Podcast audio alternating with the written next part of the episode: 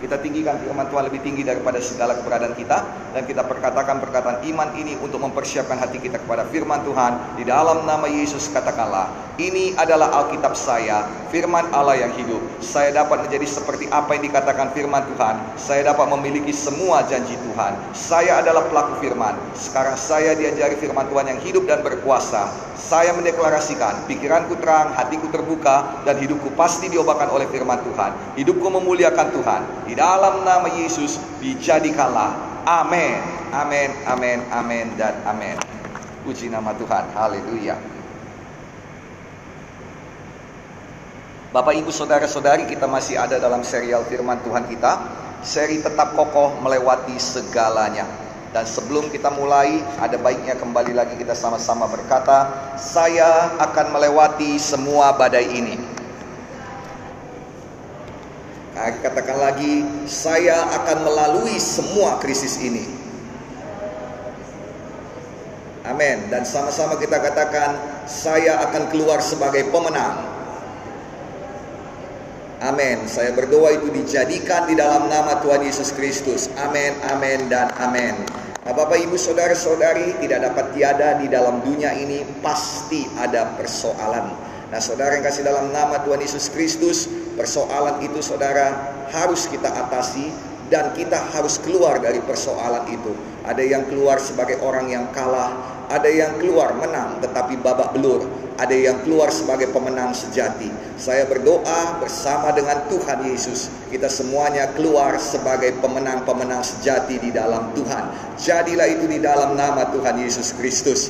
Nah Bapak Ibu Saudara mungkin Saudara berkata Pak Pendeta saya sudah babak belur dihantam oleh penyakit Pak Pendeta saya sudah di, babak belur dihantam oleh persoalan Oleh situasi keadaan Dihantam oleh hal-hal mengenai keuangan Dan juga dihantam oleh apa pun persoalan tekanan-tekanan hidup lain sebagainya Apakah saya masih bisa keluar sebagai pemenang Alkitab berkata saudara kita bisa keluar sebagai pemenang walau apa pun yang terjadi di dalam hidup kita. Ketika bangsa Israel keluar dari Mesir, maka hal yang pertama Tuhan lakukan ialah memulihkan mereka. Dikatakan saudara mereka sampai di Gilgal dan di Gilgal Tuhan berkata, "Hari ini aku akan menghapuskan celah Mesir daripadamu." Mesir berbicara tentang do dosa, Mesir berbicara tentang dunia. Mesir berbicara tentang perbudakan.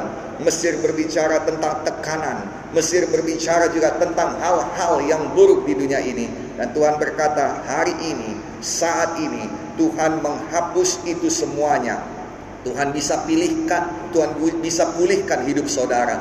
Tuhan bisa pulihkan hati saudara. Tuhan bisa pulihkan pikiran saudara. Tuhan bisa pulihkan saudara dari segala persoalan, dari sakit penyakit.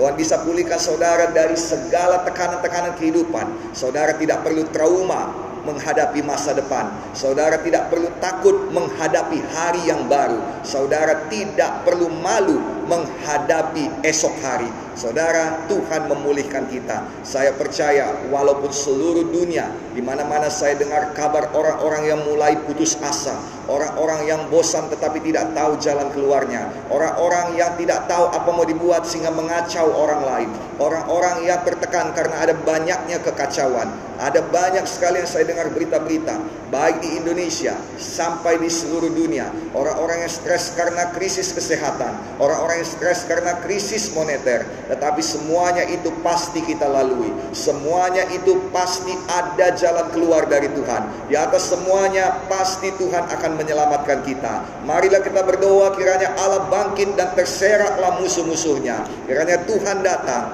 Dia adalah jalan dan kebenaran dan hidup. Hari ini kita perlu dia membuka jalan bagi kita. Hari ini kita perlu supaya kebenaran firman memberikan kehidupan bagi kita. Saya berdoa bulan ini bulan baik bagi kita semuanya. Kita akan melewati semua badai ini dan keluar sebagai pemenang di dalam nama Tuhan Yesus Kristus. Mari kita buka Alkitab kita 1 Petrus 5 ayat 10 dikatakan saudara dan Allah sumber segala kasih karunia yang telah memanggil kamu dalam Kristus kepada kemuliaannya yang kekal akan melengkapi, meneguhkan, menguatkan dan mengokohkan kamu sesudah kamu menderita seketika lamanya Jadi Tuhan sudah memanggil saudara. Dan kalau Tuhan panggil saudara, dia panggil saudara dengan sungguh-sungguh. Dia tidak panggil saudara untuk bermain-main. Ada maksudnya, ada kehendaknya. Dan maksud dan kehendak Tuhan tidak pernah batal dalam hidup saudara. Kalau selama ini saudara mendengar orang berkata bahwa maksud kehendak Tuhan itu bisa batal, itu sama sekali tidak mungkin maksud dan kehendak Tuhan itu sungguh-sungguh tidak bisa batal. Masalahnya apakah engkau ikut di dalamnya atau tidak. Saya berdoa engkau ikut di dalamnya. Saya berdoa saudara termasuk di dalamnya. Nah saudara Tuhan sudah memanggil saudara. Tuhan sudah memanggil saya. Itu sebabnya kita perlu menjawab panggilan Tuhan. Dan bagi kita yang dipanggil oleh Tuhan, ada kemuliaan yang kekal. Walaupun memang ada penderitaan. Tetapi penderitaan itu tidak untuk selama-lamanya. Dan dalam penderitaan itu Tuhan juga tetap bekerja. Bukan berarti jika ada penderitaan, maka dosa sudah berkuasa. Bukan berarti jika ada kesusahan, maka setan sudah berjaya. Bukan berarti apabila kita sakit, apabila kita tertekan, depresi, apabila kita mengalami hal yang buruk, maka Tuhan meninggalkan kita atau maksud Tuhan sudah tidak lagi terlaksana dalam diri kita. Tidak demikian. Dia katakan Alkitab bahwa Ayub berbuat baik. Dia tidak melakukan dosa. Dia hidup berkenan pada Tuhan. Tetapi memang datang permasalahan. Memang permasalahan datang kepada orang-orang yang baik juga. Permasalahan datang dengan orang-orang yang menjaga kekudusannya. Sama seperti orang dunia juga. Tetapi bagi kita yang bersama-sama dengan Tuhan. Bagi kita yang bersama-sama dengan Roh Kudus pasti ada pemulihan pasti ada pertolongan. Dan lebih indah daripada itu kita keluar daripada semua permasalahan kita tidak sama seperti dahulu lagi tetapi dua kali ganda lebih luar biasa lebih diberkati lebih kaya lebih sukacita lebih bahagia saya berdoa dalam waktu-waktu dekat ini ke depan Tuhan akan membereskan semua krisis-krisis yang ada di dunia ini dan kita akan keluar lebih luar biasa lagi lebih maju lagi lebih cerdas lagi, lebih sukacita lagi, lebih diberkati lagi, dan lebih tinggi lagi di dalam nama Yesus. Jadilah untuk kemuliaan Tuhan dalam nama Yesus. Dalam Roma 8 ayat 28 dikatakan bahwa dalam segala perkara, termasuk dalam dalam kita punya kesusahan, Allah turut bekerja. Tuhan kita masih bekerja. Saat ini pun kita saat ini pun Tuhan kita masih bekerja. Kita harus bisa melihat pekerjaannya. Jangan mata kita terfokus kepada setan dan pekerjaan setan. Di dalam nama Yesus ada pekerjaan Tuhan yang mau dinyatakannya. Bulan ini adalah bulan pekerjaan Tuhan. Bulan ini adalah bulan di mana Tuhan memutar balik keadaan kita. Yang malang menjadi beruntung, yang sakit menjadi sembuh, yang tertekan dibebaskan di dalam nama Tuhan Yesus Kristus, yang ada terpuruk di bawah diangkat tinggi di dalam nama Yesus. Bulan ini Tuhan akan tunjukkan bahwa Ia menjadikan segala sesuatu kebaikan bagi kita yang mengasihi Dia. Jadilah di dalam nama Tuhan Yesus Kristus. Nah Bapak Ibu Saudara-saudari kalau minggu yang lalu kita sudah melihat tiga hal mengenai penderitaan. Yang pertama sekali, tidak ada penderitaan kita yang sama satu dengan yang lainnya. Mungkin persoalannya sama, yaitu virus corona, tetapi penderitaannya tidak sama. Ada yang karena virus corona ini dia menjadi sakit. Ada yang tidak sakit, tetapi dia kehilangan orang tua. Ada yang tidak kehilangan anggota keluarganya, tetapi ia kehilangan pekerjaannya. Ada yang tidak kehilangan pekerjaannya, tetapi ia mendapatkan kesulitan keuangan karena gajinya dipotong. Dan ada banyak hal-hal yang lain. Nah, saudara, mengapa hal ini terjadi? Karena memang hal ini sudah terjadi sejak dahulu. Semua hamba-hamba Tuhan mempunyai penderitaan yang berbeda-beda. Bagi Abraham itu adalah penantian yang panjang akan kegenapan janji Tuhan. Nah saudara, bagi Ayub saudara dia diberkati. Tapi kemudian datang lagi tekanan, datang persoalan berupa dia kehilangan semuanya. Bagi Musa, dia dia tidak kehilangan semuanya. Dia hanya kehilangan tahta Mesir. Tetapi dia juga menjadi buronan. Orang yang dicari dan orang-orang orang yang mau dibunuh. Nah saudara yang kasih dalam nama Yesus. Bagi Daud, dia adalah orang yang dilupakan oleh ayahnya. Enam daripada saudara yang lain diingat oleh ayahnya, tetapi dia dilupakan oleh ayahnya. Bagi Yusuf, dia tidak dilupakan oleh ayahnya, dia dikasihi oleh bapaknya, tapi dia mengalami pengkhianatan demi pengkhianatan apa pun yang terjadi dalam hidup kita, kita belajar dari firman Tuhan bahwa dalam kehidupan hamba-hamba Tuhan ini ada jalan keluar dan ada maksud Tuhan dan kita melihat maksud Tuhan tidak pernah gagal. Kita melihat semua hamba-hamba Tuhan ini keluar dari permasalahannya dan menjadi orang-orangnya Tuhan yang luar biasa. Bukan hanya luar biasa secara rohani, tetapi juga luar biasa di dalam dunia ini karena kita perlu juga menjadi luar biasa dalam dunia ini berhubung karena kita harus memberkati dunia ini. Saya berdoa di gereja kemenangan di Indonesia tidak seperti dahulu lagi. Karena ada banyak orang-orang, pemimpin-pemimpin gereja kemenangan di Indonesia yang jago kandang. Hanya berani di dalam, hanya berkata-kata di dalam tapi tidak laku di luar. Saat ini saya berdoa di dalam nama Yesus, engkau harus buka mata dan juga punya visi. Karena saat ini GKI terbuka dalam nama Yesus. GKI harus memberkati bangsa-bangsa dalam nama Yesus. Kita tetap pada core value kita. Kita tetap menjaga kekudusan. Kita juga tetap saudara untuk hidup berdasarkan firman Tuhan. Tetapi sekarang kita membuka diri untuk hal-hal yang baru daripada Tuhan. Kita tidak jago di kandang saja, tetapi kita mau memberkati sampai kepada bangsa-bangsa. Nah, saudara itu sebabnya siapkan hati saudara. Kalaupun datang masalah, kalau namanya saudara kelas bangsa-bangsa, tentunya ujiannya juga kelas bangsa-bangsa. Tidak mungkin saudara mau masuk SMU dengan ujian anak SD. Tidak mungkin saudara mendapatkan ujian universitas padahal saudara masih kelas 1 SD.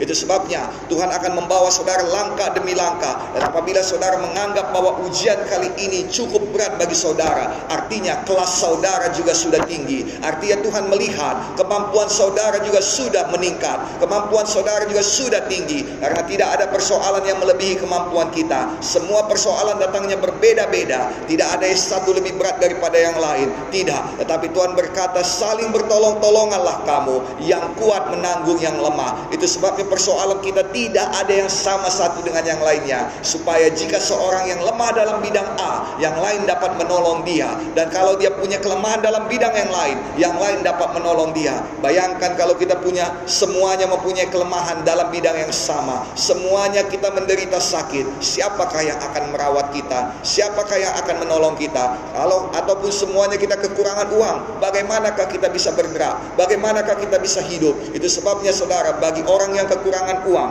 ada orang yang mampu memberikan pada mereka berkat. Ada orang yang mampu mempunyai eh, berkat, tetapi mereka kurang bahagia. Ada orang yang mampu membahagiakan mereka. Ada orang yang bahagia, tetapi mereka sakit-sakitan. Ada orang yang mampu merawat mereka. Jadi dengan demikian, pada masa krisis ini, kita bisa saling memberkati. Fokuslah kepada apa yang ditaruh Tuhan pada kita, pada kekuatan kita. Fokuslah kepada berkat yang diberikan kebaikan Tuhan pada kita.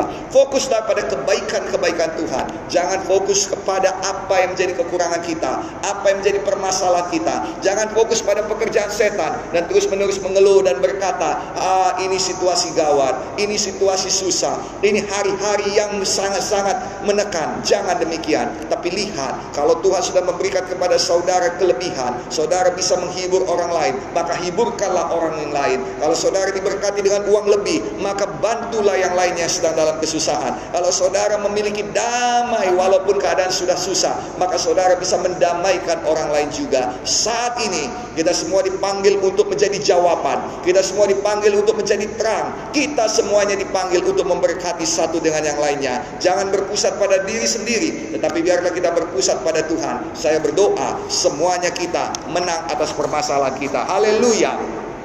Yang kedua kita melihat semua penderitaan mempunyai tanggal kedaluarsa. Alkitab tadi berkata menderita seketika lamanya. Di dalam Alkitab dituliskan bahwa tidak ada semua, tidak ada hamba-hamba Tuhan yang terus-menerus menderita. Semua hamba Tuhan pasti akan melalui penderitaan itu. Semua penderitaan mempunyai tanggal kedaluarsa. Itu sebabnya saudara harus maju terus, maju terus, maju terus, berjalan terus. Jangan diam. Banyak orang yang penderitaannya bertambah panjang banyak orang yang kesedihannya bertambah panjang karena dia memilih untuk diam di dalam kebodohannya, diam di dalam kesedihannya, diam di dalam masa lalunya. Jangan tinggal pada masa lalumu apabila engkau mempunyai masa depan yang penuh pengharapan tersedia di depanmu. Jangan sangkal firman Tuhan. Ketika orang Israel sangkal janji Tuhan, janji Tuhan berkata engkau akan masuk ke tanah Kanaan. Apa artinya? Hari-hari pengembaraanmu di padang gurun sudah berakhir. Artinya hari-hari perbudakanmu di tanah Mesir sudah berakhir. Engkau akan masuk tanah Kanaan. Saya punya kabar baik bagi saudara bahwa hari-hari tekanan kita sudah berakhir. Hari-hari di mana kita kekurangan sudah berakhir. Hari-hari di mana kita merasakan sakit sudah berakhir. Dalam nama Yesus, percayai firman Tuhan dan lakukan peperangan saudara. Orang Israel tidak berani melakukan peperangan. Mereka merasa diri mereka kecil. Mereka berkata diri mereka seperti belalang. Sementara musuh mereka, sementara setan, sementara pekerjaan setan itu mereka muliakan. Mereka berkata, "Oh, itu pekerjaan setan bagaikan raksasa." Dan juga setan-setan melihat pada kami sebagai mangsanya. Itu orang-orang Kanaan seperti raksasa dan dia melihat pada kami seperti belalang saja. Oh, saudara itu tidak benar. Setan takut terhadap saudara karena saudara adalah anak raja di atas segala raja, anak Tuhan di atas segala Tuhan. Bahwa sorga berkorban untuk saudara, bahwa Yesus Tuhan di atas segala Tuhan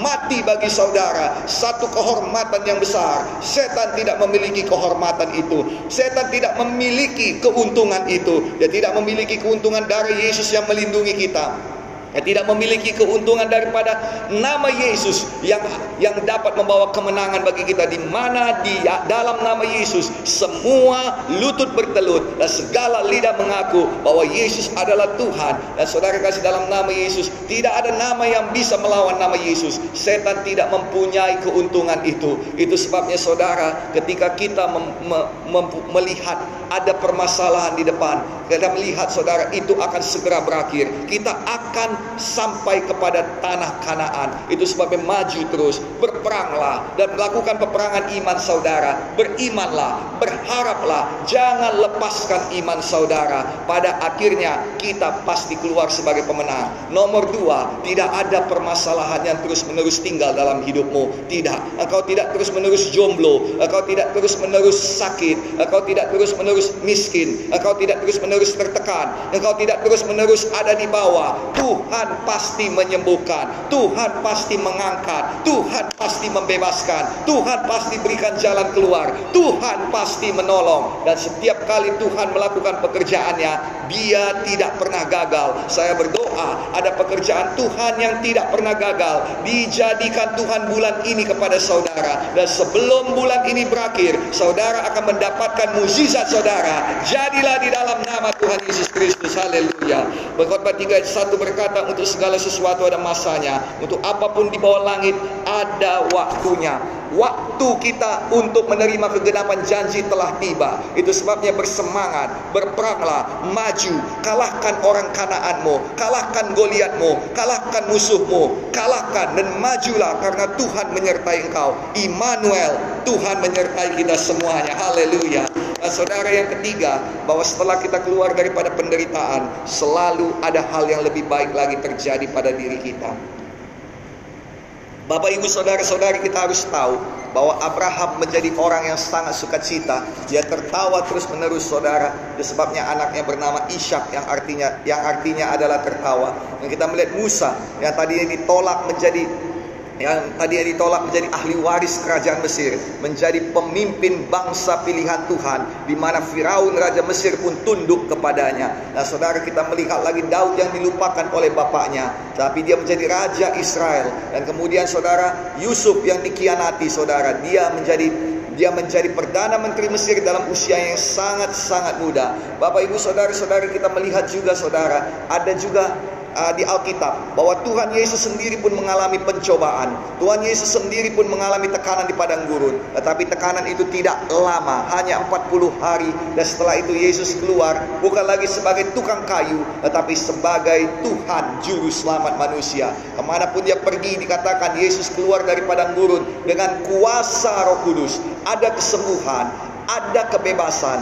dan juga ada hikmat yang luar biasa. Jadi saudara, ketika kita keluar daripada permasalahan ini dalam nama Yesus, semuanya pasti akan digandakan oleh Tuhan. Pergandaan daripada kekayaan saudara sudah ada di depan.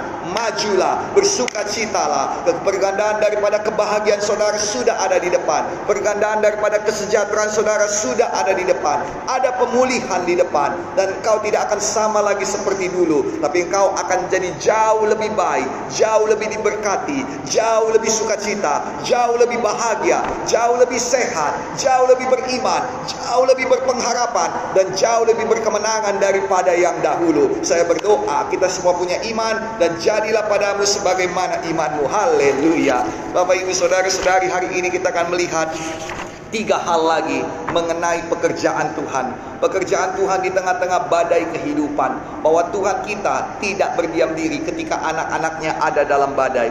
Tuhan kita tidak santai atau tidak tutup mata melihat penderitaan anak-anaknya. Dalam buku keluaran dikatakan, ketika Tuhan mengutus Musa, jelas dikatakannya telah kulihat penderitaan umatku. Tuhan tidak mau berdiam diri. Itu sebabnya sambungan ayat itu berkata bahwa aku sendiri telah turun untuk membebaskan mereka. Tetapi untuk kebebasan itu Tuhan memerlukan kita. Bukan berarti dia tidak mampu membebaskan dalam bentuk dirinya sebagai Tuhan, tetapi dia memilih untuk bekerja sama dengan manusia. Dia memilih untuk bekerja sama dengan gerejanya. Dia memilih untuk bekerja sama dengan saya dan saudara. Sadarkah saudara kalau Tuhan sebenarnya bisa melakukan segala sesuatu, tetapi Dia memilih untuk bekerja sama dengan kita, walaupun Dia tahu bahwa kemungkinan gagalnya jauh lebih besar ketika Dia bekerja sama dengan kita, bahwa ada kemungkinan Dia dikhianati, bahwa ada kemungkinan Dia ditinggalkan, bahwa ada kemungkinan kita tidak mengerti maksud dan kehendaknya, tetapi Dia tetap memilih kita, dan ini tujuannya ialah agar kita menjadi kesaksian, agar hidup kita menjadi berkat, dan orang orang melihat kemuliaan Tuhan pada kita. Ketika Tuhan pilih kita sebagai partnernya dalam bekerja sama, maka kemuliaan Tuhan, pengurapan Tuhan akan turun kepada kita untuk mengangkat kita menjadi kesaksian bagi yang melihat pelayanan kita. Ya, pelayanan kita tidak sempurna, tapi kemuliaan Tuhan dan pengurapan Tuhan akan semakin dicurahkan dan itu akan memampukan kita untuk dapat memberkati hingga bangsa-bangsa. Kalau Tuhan sudah pilih gerejanya gereja kemenangan Indonesia, maka mari sambut panggilan Tuhan. Jangan kita berdi, jangan kita tolak panggilan Tuhan. Alkitab berkata ketika Musa tolak panggilan Tuhan, Tuhan menjadi murka dan berikhtiar untuk membunuh Musa. Nah, saudara, kita tidak bisa menolak panggilan orang yang lebih tinggi daripada kita. Kita tidak bisa menolak utu, urus, ut, uh, utusan atau kita tidak bisa menolak pekerjaan yang diberikan bos kita kepada kita. Ketika Tuhan memilih kita, satu-satunya tindakan kita yang benar ialah menyambut panggilan Tuhan. Dan panggilan Tuhan sungguh membawakan kemuliaan. Itu sebabnya Petrus tadi berkata ada kemuliaan kekal yang menanti kita. Nah Bapak Ibu Saudara-saudari kasih dalam nama Tuhan Yesus Kristus adalah satu kebanggaan. Kita boleh bekerja sama dengan Tuhan. Nah saudara saya berdoa semua kita sambut panggilan Tuhan. Dan kita juga akan memperlengkapi saudara dengan panggilan Tuhan ini. Apabila saudara mau menjadi hamba Tuhan dan merasakan panggilan Tuhan, maka saudara bisa mendaftarkan diri untuk masuk Institut Alkitab Rema. Pendaftarannya akan segera dibuka dan saudara akan melihat saudara di semua sosial media kita mengenai pendaftaran ini. Bapak Ibu saudara-saudari yang kasih dalam nama Tuhan Yesus Kristus, kita melihat bahwa ketika Tuhan bekerja, dalam segala hal Tuhan bekerja. Roma 8 ayat 28 berkata, walaupun ada perkara-perkara yang jahat, itu datang dari setan. Walaupun ada pekerjaan setan, Tuhan kita tidak tinggal diam. Tuhan kita juga bekerja. Dan nomor satu dari semua pekerjaan Tuhan ialah bahwa pekerjaan Tuhan lebih besar, lebih kuat, lebih dahsyat, lebih berkuasa daripada pekerjaan setan mana pun. Jadi jangan pernah berpikir bahwa penyakitmu lebih hebat daripada kesembuhan Tuhan. Bahwa penyakitmu lebih berkuasa daripada bilur-bilur Yesus. Tidak di dalam nama Tuhan Yesus Kristus. Nah dengar baik-baik bahwa saudara kasih dalam nama Tuhan Yesus Kristus. Kata kesembuhan saya diberkati oleh teman saya. Seorang hamba Tuhan yang luar biasa. Kata kesembuhan dalam bahasa Inggris ada dua. Yang pertama sekali adalah heal, yang kedua adalah cure. Nah saudara yang Tuhan berkata adalah heal bukan cure. Kalau cure itu menyembuhkan sehingga apa pun sakitnya bisa sembuh total balik sehat lagi. Tetapi uh, heal itu saudara memberikan yang terbaik agar seseorang itu bisa sembuh. Nah saudara kasih dalam nama Yesus Ada beberapa orang berkata Pak kenapa kita berdoa untuk kesembuhan Tapi orang itu mati? Sebenarnya saudara itu adalah heal. Dia juga disembuhkan dalam bahasa Indonesia, tetapi dia disembuhkan bukan untuk hidup di dunia ini lagi, karena tubuhnya tidak mampu lagi, karena tubuhnya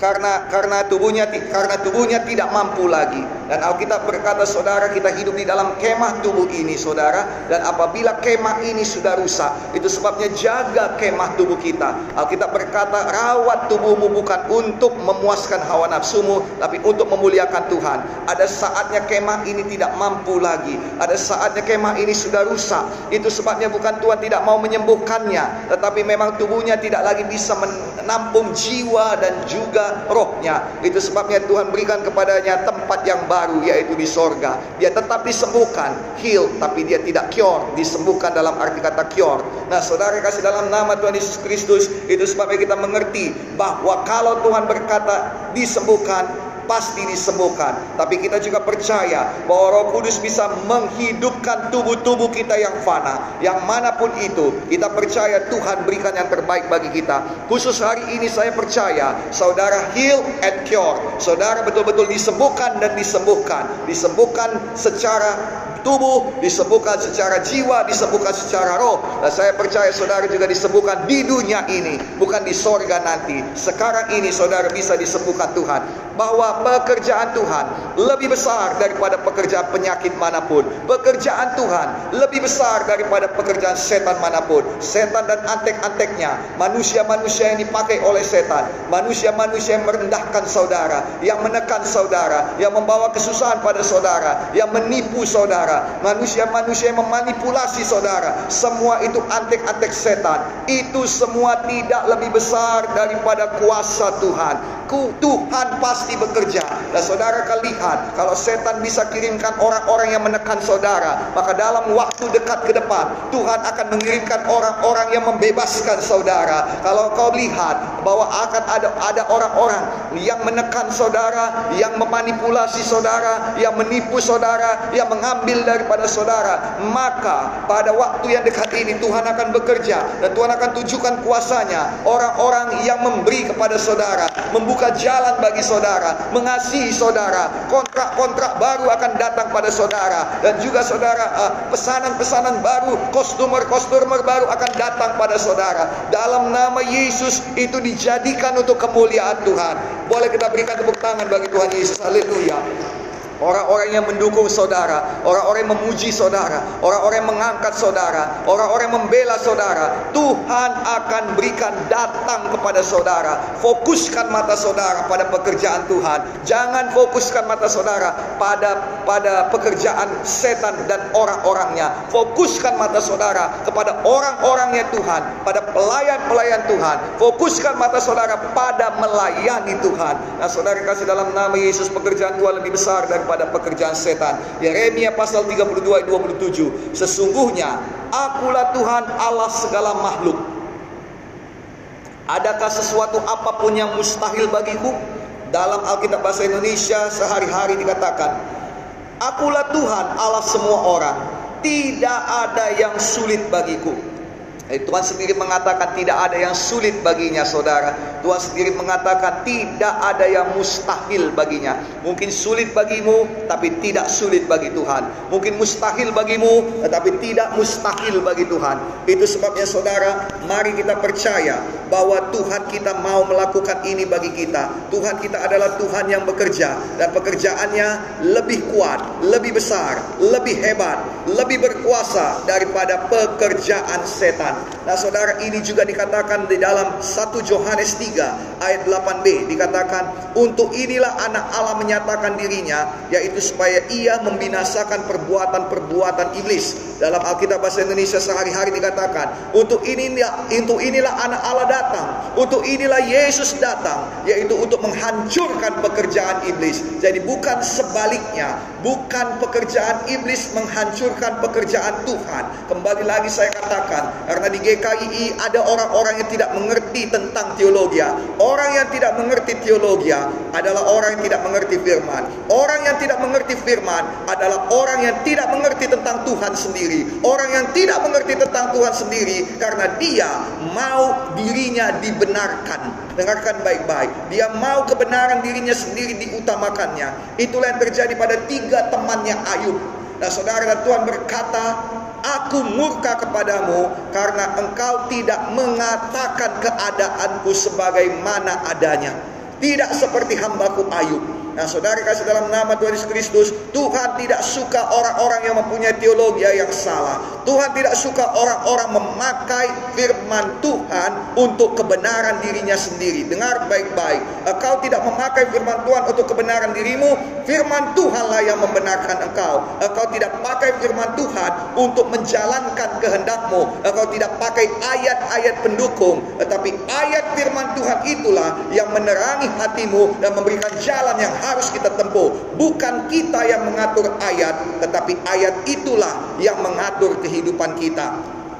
Nah saudara kasih dalam nama Tuhan Yesus Kristus Penting sekali kita tahu bahwa setan pun memakai ayat-ayat firman Itu sebabnya jangan sampai kita menjadi pengikut setan Yang memakai ayat-ayat firman demi kepentingan kita Tapi biarlah firman itu betul-betul menjadi rema dalam hati kita Sehingga dengan firman yang diterangi oleh ya, firman yang terang dan juga yang dikerjakan Roh Kudus dalam kita, kita semuanya boleh sampai pada maksud dan panggilan Tuhan. Jadi sekali lagi di sini dikatakan untuk inilah anak Allah datang, untuk inilah Yesus datang, yaitu untuk menghancurkan pekerjaan iblis. Nah, Saudara, maksud Tuhan, kehendak Tuhan menghancurkan pekerjaan iblis di dalam saudara jamahan Tuhan, hadirat Tuhan menghancurkan pekerjaan iblis di dalam saudara. Bukan sebaliknya. Pekerjaan iblis tidak bisa menang atas pekerjaan Tuhan. Nah, kembali lagi saudara, apabila kita memiliki maksud dan kehendak Tuhan, maka maksud dan kehendak Tuhan itu pasti sampai kepadamu kecuali kalau engkau berdosa. Bukan dosamu membatalkan maksud kehendak Tuhan, bukan dosamu menghancurkan maksud dan kehendak Tuhan. Tidak. Maksud dan kehendak Tuhan itu ada di sana, tetapi dosa itu membuat engkau berjalan ke arah yang berbeda. Dosa itu membuat engkau berjalan ke arah yang berlawanan. Itu sebabnya Alkitab berkata, Tuhan tidak ingin seorang pun binasa, Dia ingin tapi Ia sabar terhadap engkau dan Dia menghendaki semua kita berbalik dan bertobat. Nah, saudara, maksud Tuhan ada tetap di sana, tetapi kita perlu berbalik dan bertobat. Untuk dapat melihat pekerjaan Tuhan, kita perlu berbalik dan bertobat. Kita tidak bisa melakukannya dengan cara kita. Kita perlu berbalik dan bertobat. Kita tidak bisa melakukannya dengan pengertian kita. Kita perlu berbalik dan bertobat. Kita tidak bisa mengerjakannya dengan kebenaran diri kita. Kita perlu berbalik dan bertobat. Jika selama ini saudara menganggap diri saudara paling benar, ini adalah ajakan untuk berbalik dan bertobat supaya maksud Tuhan jadi pada diri saudara. Bapak ibu saudara yang dikasih oleh Tuhan Yesus Kristus adalah Tuhan yang menghancurkan pekerjaan setan. Ketika ia datang, ia menghancurkan pekerjaan iblis. Bagaimana dia bisa menghancurkan pekerjaan iblis dalam diri kita? Lukas 18 ayat 8 berkata, ketika ia datang, dia mau melihat adakah iman pada kita atau tidak. Dengan iman, pekerjaan iblis dihancurkan. Milikilah iman. Iman datang dari pendengaran akan firman Tuhan. Milikilah firman Tuhan. Dengarkan firman Tuhan yang hidup dan berkuasa. Dan kemudian hidupkan dalam hati saudara. Kalau firman Tuhan berkata, disampaikannya firman dan disembuhkannya mereka, diluputkannya mereka dari liang kubur, maka percayai. Apa pun dikatakan situasi, apa pun dikatakan keadaan, apa pun kata dokter, apa pun hasil swab saudara, hasil daripada rapid test saudara, apa pun yang terjadi pada saudara, disampaikannya firmannya dan disembuhkannya mereka dan diluputkannya mereka dari liang kubur. Itulah yang terjadi pada klien. Itu yang terjadi pada saudara. Itulah yang terjadi pada Amang dan Ina. Itulah yang terjadi pada Opung. Jadilah di dalam nama Tuhan Yesus Kristus. Terimalah dalam nama Yesus. Nah Bapak Ibu Saudara-saudari, Tuhan akan datang. Dalam buku Ibrani pasal 10 dikatakan, sedikit waktu lagi dia akan datang. Dan tidak ada yang bisa menangguhkan kedatangannya. Lucifer sendiri tidak bisa menahan kedatangan Tuhan. Oh saudara, segala kekuatan neraka tidak bisa menahan kekuatan sorga yang datang ke dalam hidupmu bulan ini saya berdoa adalah bulan lawatan Tuhan. Biarlah Tuhan datang dan ketika Tuhan datang, dia dapati iman dalam hati saudara. Dia dapati saudara menyala-nyala. Dan saudara katakan aku siap melayani Tuhan. Aku siap memuji menyembah Tuhan. Aku percaya pada firman. Apa pun dikatakan dunia, aku percaya firman Tuhan benar. Firman Tuhan berkuasa. Dan firman Tuhan itu dijadikan. Saya berdoa, jadilah padamu sebagaimana imanmu. Bulan ini adalah bulan kebangkitan kebangkitan kita. Jadilah di dalam nama Yesus. Haleluya. Terpujilah Tuhan. Nomor dua saudara, dikatakan saudara bahwa pekerjaan Tuhan tidak pernah gagal. Pekerjaan Tuhan tidak pernah gagal. Nah saudara kasih dalam nama Yesus Yesaya 55 ayat 11 Demikianlah firman yang keluar dari mulutku Ia tidak akan kembali padaku dengan sia-sia Tetapi ia akan melaksanakan apa yang ku kendaki Dan akan berhasil dalam apa yang kusuruhkan kepadanya Pekerjaan Tuhan tidak akan gagal. Tapi seperti yang saya katakan tadi, bahwa Tuhan mau memakai kita untuk mengerjakan pekerjaannya. Tuhan memilih kita lebih daripada malaikat-malaikatnya sendiri. Itu adalah satu kehormatan yang besar. Itu sebabnya saudara kita perlu mendapatkan arahan Tuhan. Perlu mengenal hati Tuhan. Sehingga kita bisa melaksanakan kehendaknya. Ketika Tuhan mau menyampaikan kehendaknya pada kita, maka dia berbicara melalui firman-Nya. Ketika saudara mau menyampaikan kehendak saudara kepada anak saudara, saudara berbicara kepada anak saudara. Ketika saudara mau menyampaikan kehendak saudara pada teman saudara, saudara berbicara pada teman saudara. Dan kita lihat begitu memang caranya kita menyampaikan kehendak kita kepada orang. Demikian juga dengan cara Tuhan. Tuhan mau menyampaikan maksudnya, kehendaknya dalam hidup kita, maka dia berbicara kepada kita. Dan tahukah saudara, kita perlu menyampaikan kembali firman ini kembali kepada Tuhan. Nah dengar baik-baik, dikatakan demikianlah firmanku yang keluar dari mulutku, ia tidak akan kembali padaku dengan sia-sia, tetapi ia akan melaksanakan apa yang kukehendaki dan akan berhasil dalam apa yang kusuruhkan padanya. Ketika Tuhan berfirman, kita harus merespon dan cara kita merespon ialah dengan cara bersetuju, mengamenkan dan juga mengulangi firman Tuhan itu baik dalam doa kita maupun dalam keseharian kita. Katakanlah jika ada seorang ibu yang berbicara kepada anaknya perempuan dan kalau kita orang Batak anak perempuan kita panggil dengan kata boru. Nah, saudara, ibu ini berkata, inang ini berkata kepada anak perempuannya, "Boru, kau sudah dewasa sekarang dan Aku mau supaya engkau bantu dalam mengurus rumah kita.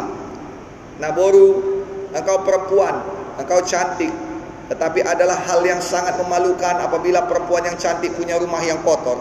Itu sebabnya bantulah mama, bantulah ibumu ini supaya bisa membereskan rumah ini. Bantulah supaya engkau bisa membereskan halaman dan jagalah supaya halaman kita selalu bersih. Karena itulah yang pertama sekali dilihat oleh tamu-tamu kita. Nah saudara, ibunya ini bisa menyampaikan kehendaknya. Kehendaknya ialah supaya borunya bekerja. Anak perempuannya ini saudara, dia bekerja supaya anak perempuannya ini boleh membantu dia di dalam mengurus rumah tangga. Tetapi apabila si anak tidak melakukan apa pun, dia tidak menjawab, bahkan dia tidak melihat kepada ibunya. Nah saudara, dia hanya memandang pada handphonenya dan main Facebook dia memandang pada handphonenya dan main WhatsApp. Nah itulah anak-anak yang perlu ditamparkan kalau kata orang Batak. Nah saudara kasih dalam nama Yesus tidak peduli saudara. Maka maksud daripada inang ini, maksud daripada ibu ini tidak pernah sampai kepada anaknya. Itu sebabnya saudara, kita anak-anak harus menyambut apa yang dikatakan oleh orang tua kita. Demikian juga dengan Tuhan. Katakanlah tadi seorang ibu, dia punya maksud agar anaknya menolong dan dia punya maksud agar anaknya juga bersih-bersih bersama-sama dengan dia. Maka dia berkata kepada anaknya, maka anaknya harus menyambut dan anaknya berkata, kalau ibunya berkata, "Boru, aku mau kau membersihkan bersama dengan saya." Anaknya berkata, "Baik, mah. Bagian mana yang perlu kubersihkan?" Kau bersihkanlah, bantulah mama bersihkan halaman nakku. Lalu kemudian dia berkata, siap ma, tapi aku tidak begitu pintar bagaimana membersihkannya. Bagaimana cara memegang sapu dengan benar? Bagaimana cara membersihkan dari mana ke mana? Aku akan ajari kau anakku. Kalau gitu kita sama-sama boleh mak. Baik kita sama-sama anakku. Nah dengan demikian maksud daripada si ibu akan kesampaian dan si anak pun akan belajar dan menjadi manusia yang lebih baik lagi. Sering sekali Tuhan berkata demikian, anakku inilah yang kau perbuat. Tetapi kita tidak peduli, kita sibuk dengan semua pemikiran kita. Kita sibuk dengan pembelaan diri kita. Kita sibuk dengan semua masalah kita. Kita sibuk dengan segala kebutuhan kita. Apa yang dikatakan Tuhan berbeda dengan apa yang kita katakan. Maksud Tuhan, hati Tuhan tidak pernah kena kepada kita. Itu sebabnya biar biarlah kita menenangkan hati terlebih dahulu dan kemudian mulai mendengarkan apa kata Tuhan. Saat ini Tuhan meminta supaya gerejanya tetap semangat. Saat ini Tuhan meminta supaya gerejanya tetap kokoh, gerejanya tetap maju, gerejanya tetap menginjil. Saat ini Tuhan meminta supaya gerejanya tetap menyala-nyala. Saat ini Tuhan meminta supaya gerejanya membuktikan bahwa nama Yesus lebih kuat daripada krisis mana pun, bahwa nama Yesus lebih kuat daripada nama corona, bahwa nama Yesus lebih kuat daripada setan iblis mana pun. Saat ini Tuhan meminta supaya gerejanya tidak putus asa, tetapi menjadi terang dunia. Beberapa waktu yang lalu saya bawakan firman pada saudara bahwa kita adalah terang. Bangkitlah, terangmu telah datang. Bersinarlah, sinari dunia ini, sinari sekeliling saudara. Jadilah jalan keluar, jadilah berkat bagi sekeliling saudara. Ini kehendak Tuhan dan untuk itulah engkau tidak melihat pada persoalan dan berkata, ya, ya, ya, ya, memang khotbahnya bagus, tapi aku banyak persoalan. No, engkau pandang pada Tuhan sama seperti anak perempuan ini memandang pada ibunya yang sedang mengarahkan dia, yang sedang membawakan maksud dan tujuannya kepada anak perempuan itu. Dan dia berkata, "Ya, Ma." Engkau juga berkata, "Ya Tuhan, aku mau bersemangat, aku mau maju, aku mau menyala-nyala kepadamu." Oh Tuhan, ajari aku. Maka Tuhan berkata, "Kita akan bersama-sama anakku." Sama seperti ibu itu berkata kepada anaknya, ketika anaknya berkata, "Aku tidak tahu bagaimana caranya menyapu halaman." Halaman itu begitu besar, ma. Ajari aku. Maka ibunya berkata, kita bersama-sama melakukannya. Saya berdoa. Mungkin saudara berkata, oh aku tidak mampu. Bagaimana caranya bersemangat pada masa seperti ini? Bagaimana caranya melayani pada masa seperti ini? Bagaimana caranya untuk menjadi berkat? Sedangkan aku juga perlu diberkati. Bagaimana caranya Tuhan? Ajari aku. Maka Tuhan akan berkata pada saudara, anakku, kita akan bersama-sama melakukannya dalam nama Yesus bulan ini adalah bulan kita bersama-sama dengan Tuhan, bersama-sama melakukan pekerjaan Tuhan. Jadilah di dalam nama Tuhan Yesus Kristus. Pekerjaan Tuhan tidak pernah gagal, tapi kita perlu amenkan kita perlu sambut. Kita tidak bisa tinggal diam saja. Lalu kemudian kita seperti anak autis. Apa pun kata orang, dia ada dunia sendiri. Dunia kesus kesusahan. Dunia kesulitan. Dunia tekanan. Dunia persoalan. Dunia kebenaran diri sendiri. No, kita mau dengarkan firman. Kita mau tahu maksud Tuhan. Biar Tuhan berbicara. Tuhan berbicara berbeda dengan situasi keadaan kita. Karena firman Tuhan tidak pernah diperuntukkan untuk mengamenkan situasi situasi keadaanmu tetapi firman Tuhan didesain untuk mengubahkan situasi dan keadaanmu. Itu sebabnya dia tidak akan pernah sama. Itu sebabnya kau perlu dengar. Itu sebabnya perlu buka hati. Itu sebabnya perlu buka telinga. Itu sebabnya perlu berdiam diri terlebih dahulu lalu menyambut dengan berkata amin. Jadilah padaku sebagaimana yang kau firmankan itu. Maka firman Tuhan tidak akan gagal ketika Tuhan berkata sembuh engkau pasti sembuh. Ketika Tuhan berkata berhasil, engkau pasti berhasil. Ketika Tuhan berkata beruntung, kita pasti beruntung. Ketika Tuhan berkata diberkati, kita pasti diberkati. Haleluya. Tuhan tidak lalai menepati janjinya. 2 Petrus 3:9. 2 Petrus 3:9. Sekalipun ada orang yang menganggapnya sebagai kelalaian, tetapi ia sabar terhadap kamu karena ia menghendaki supaya jangan ada yang binasa, melainkan semuanya berbalik dan bertobat. Tuhan itu sabar karena kalau kita tidak ada pada jalannya, kita perlu berbalik. Tuhan sabar ketika kita berbalik, maka dia bisa bekerja. Hari ini apabila ada yang ada pada jalan Tuhan yang berbeda, membelakangi jalan Tuhan, berbaliklah dan bertobatlah. Nah, saudara, yang ketiga dikatakan pekerjaan Tuhan akan dinyatakan pada waktunya. Nomor satu tadi dikatakan pekerjaan Tuhan jauh lebih besar daripada pekerjaan setan. Punyai iman, Tuhanmu Tuhan yang bekerja dan pekerjaannya jauh lebih besar daripada setan mana pun. Yang nomor dua, pekerjaan Tuhan tidak pernah gagal. Ketika Tuhan bekerja dalam hidupmu, dalam usahamu, dalam perusahaanmu, ketika Tuhan bekerja dalam keluargamu, ketika Tuhan bekerja untuk masa depanmu, ketika Tuhan bekerja di dalam tokomu, ketika Tuhan bekerja pada tanganmu, maka dia tidak akan gagal. Dia pasti berhasil. Caranya ameni apa kata Tuhan, ikut dalam pekerjaan Tuhan dan lakukan bagian kita. Dan nomor tiga saudara dikatakan, pekerjaan Tuhan akan dinyatakan tepat pada waktunya. Sebab itu, marilah kita dengan penuh keberanian menghampiri tahta kasih karunia. Ibrani 4 ayat 16 mengatakannya. Supaya apa? Supaya kita menerima rahmat dan menemukan kasih karunia untuk mendapatkan pertolongan kita pada waktunya. Firman Tuhan berkata ada pertolongan pada waktunya. Tidak pernah terlambat Tuhan menolong. Dan ketika Tuhan menolong, pemulihan akan terjadi. Dua kali ganda, bahkan lebih daripada itu. Bahkan, bahkan lebih daripada itu. Tuhan berkata dalam Mazmur pasal 126 ayat 1 sampai 3. Ketika Tuhan memulihkan keadaan kita, keadaan kita seperti orang-orang yang bermimpi.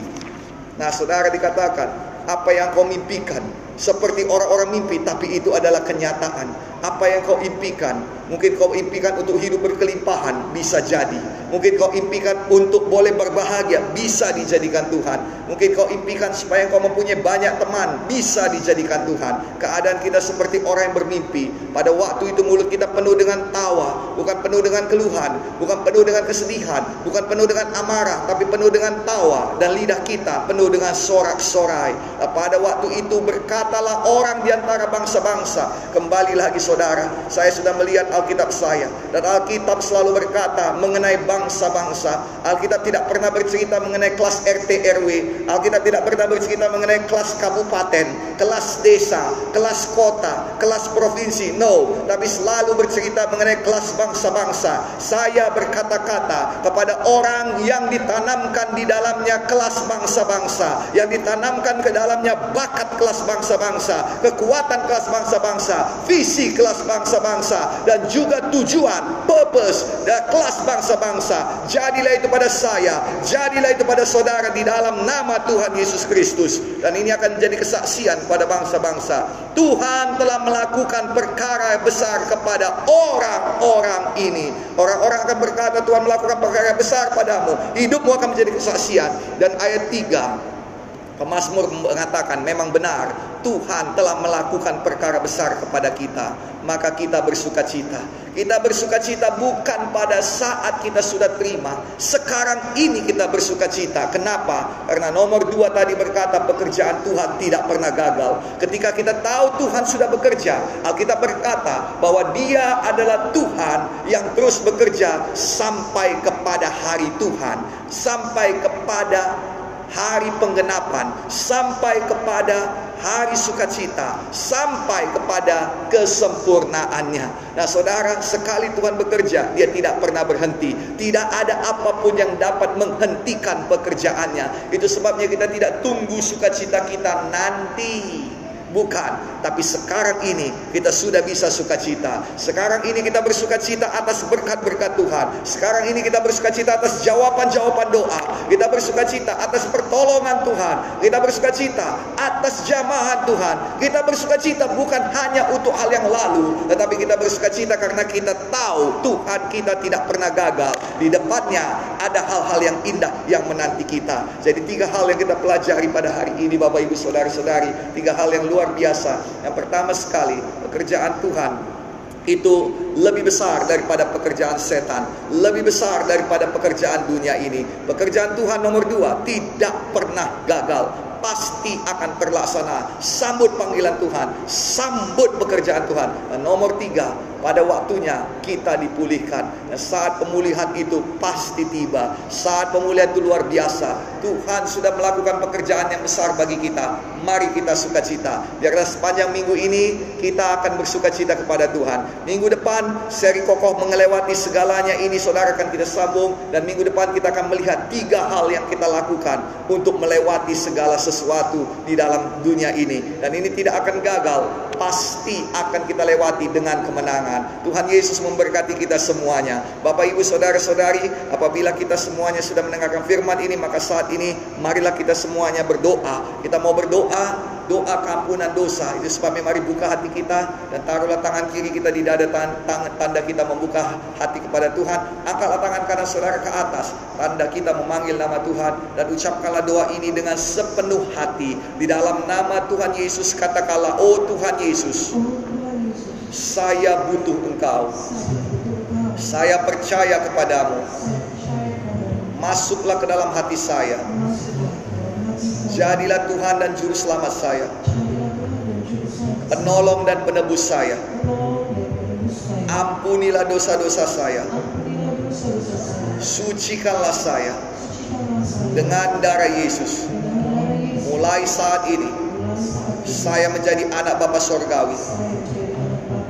Saya berjanji mengikut Tuhan Yesus seumur hidup saya dalam nama Yesus, saya berdoa. Dalam nama Yesus, saya lahir baru. Terima kasih Tuhan. Dan semua kita yang percaya sepakat berkata, Amin, amin, amin, amin, dan amin. Bapak, ibu, saudara, saudari, sesuai dengan kebenaran firman Tuhan, saya pendeta Gideon Munte mau meneguhkan kepada kita semuanya, kita yang mengucapkan doa ini telah diampuni Tuhan dosa-dosanya dan juga telah lahir baru. Boleh kita berikan tepuk tangan bagi Tuhan Yesus. Lahir baru artinya roh kita dilahirkan oleh roh kudus. Dan ada empat hal yang harus kita lakukan ketika kita lahir baru. Yang pertama sekali saudara ialah bahwa kita harus menyerahkan diri kita untuk dibaptis. Dalam Injil Markus pasal 16 ayat 16 dikatakan bahwa Barang siapa yang percaya dan dibaptis, dialah yang diselamatkan. Kali ini kita sudah percaya, kita sudah berdoa, pengakuan iman kita, tetapi kita juga perlu dibaptis. Dan Alkitab berkata baptisan itu adalah baptisan selam, bukan baptisan yang dipercikkan saudara ya. Dan itu karena ambil dari kata aslinya yaitu baptizo yang artinya ditenggelamkan. Nah Bapak Ibu Saudara-saudari saya tidak mau berdebat mengenai hal ini Saya mau kita melakukan firman Tuhan sepenuhnya Agar berkat Tuhan sepenuhnya juga menjadi milik kita Terus sebabnya saya ajak saudara untuk mengikuti baptisan air gereja kemenangan iman Indonesia Yang kita adakan setiap akhir bulan Dan waktu, tempat dan juga saudara uh, jamnya akan diberitahukan pada saudara melalui semua sosial media kita. Nah, Bapak Ibu Saudara-saudara nomor dua yang harus kita lakukan ialah bacalah Alkitab saudara. Firman Tuhan adalah makanan rohani bagi kita. Dan jika kita makan makanan rohani, maka saudara roh kita akan menjadi kuat, roh kita akan menjadi dewasa sehingga tidak mudah untuk dikalahkan oleh setan. Kita menjadi pemenang-pemenang, orang-orang kuat dari Tuhan. Nomor tiga saudara bahwa bahwa kita harus berdoa. Doa adalah nafas rohani kita. Dan disiplinlah diri saudara untuk berdoa, bukan panjangnya doa itu atau bukan juga bukan juga indahnya kata-kata itu tapi persekutuannya dengan Tuhan. Dan yang terakhir saudara, roh kita juga butuh teman roh kita juga butuh keluarga. Dalam hal ini, saya Pendeta Gideon Munte dan kami semua keluarga Munte dan keluarga besar Gereja Kemenangan Indonesia di sini yang melayani saudara dengan sukacita menyambut saudara. Selamat datang di keluarga kita, selamat datang di rumah kita, Gereja Kemenangan Iman Indonesia. Kami sangat bersuka cita menyambut saudara. Kami tahu bahwa GKII bukan gereja yang sempurna, tetapi kedatangan saudara pasti akan menyempurnakan GKII lebih dekat lagi pada maksud dan panggilan Tuhan. Mari sama-sama kita melayani Tuhan. Mari sama-sama kita merasakan zaman kasih dan kuasa Tuhan. Bapak Ibu saudara-saudari, biasanya kami akan berdoa bagi saudara-saudari doa berkat apabila ada jiwa-jiwa yang baru pertama sekali datang tetapi kami tetap berdoa bagi saudara, hanya saja saat ini belum bisa meletakkan tangan kepada saudara, tetapi akan tiba waktunya di mana saya akan bisa berhadapan muka dengan saudara dan meletakkan tangan, memohonkan berkat bagi saudara dan hidup dan masa depan saudara. Dan sampai waktu itu tiba, doa kami semua, semuanya sehat, semuanya kuat, dan semuanya menyala-nyala untuk Tuhan. Semuanya sukacita, semuanya dilindungi Tuhan. Jadilah itu di dalam nama Tuhan Yesus Kristus. Tuhan Yesus memberkati kita semua.